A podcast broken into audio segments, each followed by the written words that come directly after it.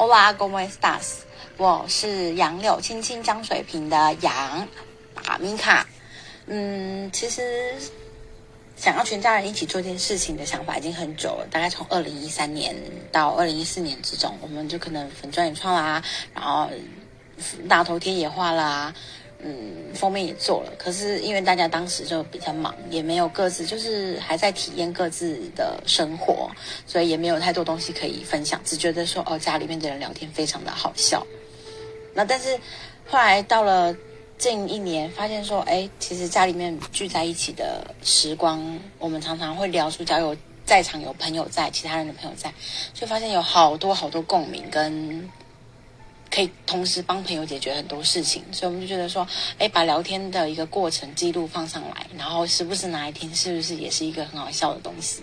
然后我们可以跟大家探讨很多议题，大家也都可以写信给我们。我们如果觉得说，哎，这个议题我们也遇过，或者是我们家里面有谁有遇过，我们就可以找找来一起分享，一起聊天。嗯，这个。频道其实也没什么，主要就是因为我们有七个人，有爸爸妈妈，还有我们五个小孩。我们五个小孩就是有两对双胞胎，然后还有一个男生弟弟。这七个人就是有不同的人生经历啊、人设跟个性。我们可以讨论的东西也很多，包含就纯女子的宿舍啊，然后每一个人都有恋爱经验，怎么各种情欲谈。亲子关系也可以，毕竟我们五个人跟爸爸妈妈之间的关系也是 一本难念的经吧，我想。所以还是有很多东西可以分享。我们从革命团结到爸爸妈妈的，就是改变爸爸妈妈，这我觉得爸爸妈妈是可以克制化跟养成的，所以就是可以跟大家分享。因为其实全家来讲，最不能跟。爸爸相处的应该就我了吧，就是常常会，就是我们之间就是一讲话就会爆炸，所以我觉得就是，然后大家都是从中做协调啊，或者是一起帮忙探讨出中间的问题，所以一样就是其实每一个家的问题，我们家自己也有，然后手足之间就更不用讲了。其实我们很感谢的就是爸爸，虽然大家都会听到我们说，哇，家里面有五个兄弟姐妹是件多么可怕的事情，但是。其实，要是大家是互相珍惜、互相就是有团结意识的，其实真的会擦出很多共鸣跟有趣的东西。是加上我们家五个人个性不一样，然后每个人的幽默程度又不一样，所以手足之间的相处跟相爱相杀的守则也可以提供。然后，因为我们每一个人在工作上面都有不同的经历，也可以分享给大家。我们。五个人之间的小时候的趣事就更不用讲了，就是各种糗事趣事也可以做成好几集来玩。然后加上自己的兄弟姐妹之中也有人是 LGBT 的成员，他也可以分享，呃，当初是怎么敞开心胸跟我们讨论的，然后怎么跟爸爸妈妈说，跟现在怎么跟自己的伴侣呃稳交八年这种。当然这部分我没有经过他同意，是我自己加的。然后今天刚好就是呃，因为其他人比较忙，所以在我身旁这位就是我的另外一个妹妹。嗨，大家好，我是一川杨柳醉春风的杨，我是米粒。对，我们其实就是想说第一集嘛，我们就先来讲讲看这个设立这个东西的初衷，然后其实只是想记录家里面觉得好笑的聊天过程，然后顺便可以分享一下呃。家里面的呃每一个人的个性等等之类的。嗯，其实最主要还是因为就是我们家有两对双胞胎嘛，然后还有一个男生，然后因为两对双胞胎的时间算蛮近的，就是只差对我们只差两年，两年我们差两岁。然后我们这两对双胞胎也都是女生，所以其实我们的生活算是蛮接近的，几乎其实算是朋友，也算是家人。对。所以就是不管是在学校啊，或者是在家里，其实都算是另外一种朋友，然后给我们一些意见，然后也算是陪伴我们一起成长，算是青梅竹马的另一种代称吧。对，最好笑就是我们家有五个兄弟姐妹，然后我们四个女生，我们从幼稚园到大学读的都是同一间学校。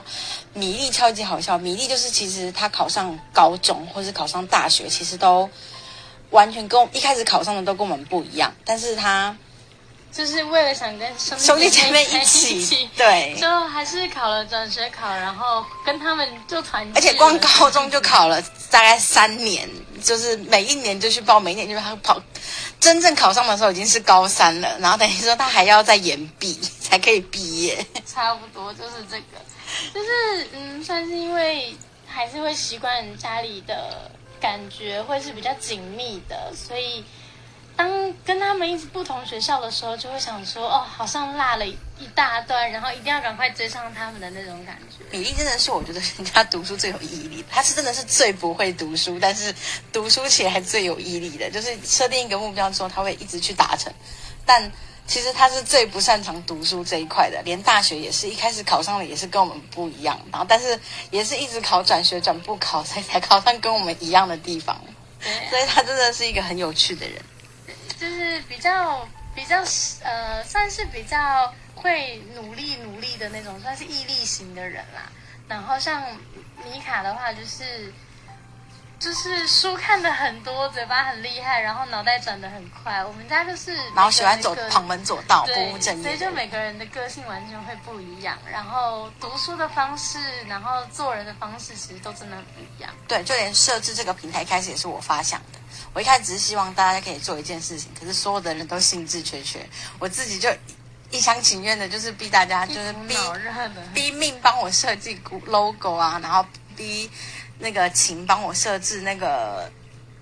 那个就是手绘图什么什么之类的，大家就逼大家帮我，逼大家配合我，我这就是一个小霸王。嗯，反正其实也不 care 大家到底怎么想我的，反正就是大家要配合我就对了。其实就是呃，米卡的想法就是要把家里面的一些事情记录下来，至少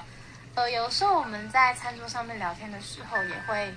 讲到某一些点，之后就会发现，哎，其实大家记得的地方都不太一样。对同一件事情，我发现以童年来讲，我们明明就是同一起经历到同一件事情，可是哎，发现四个人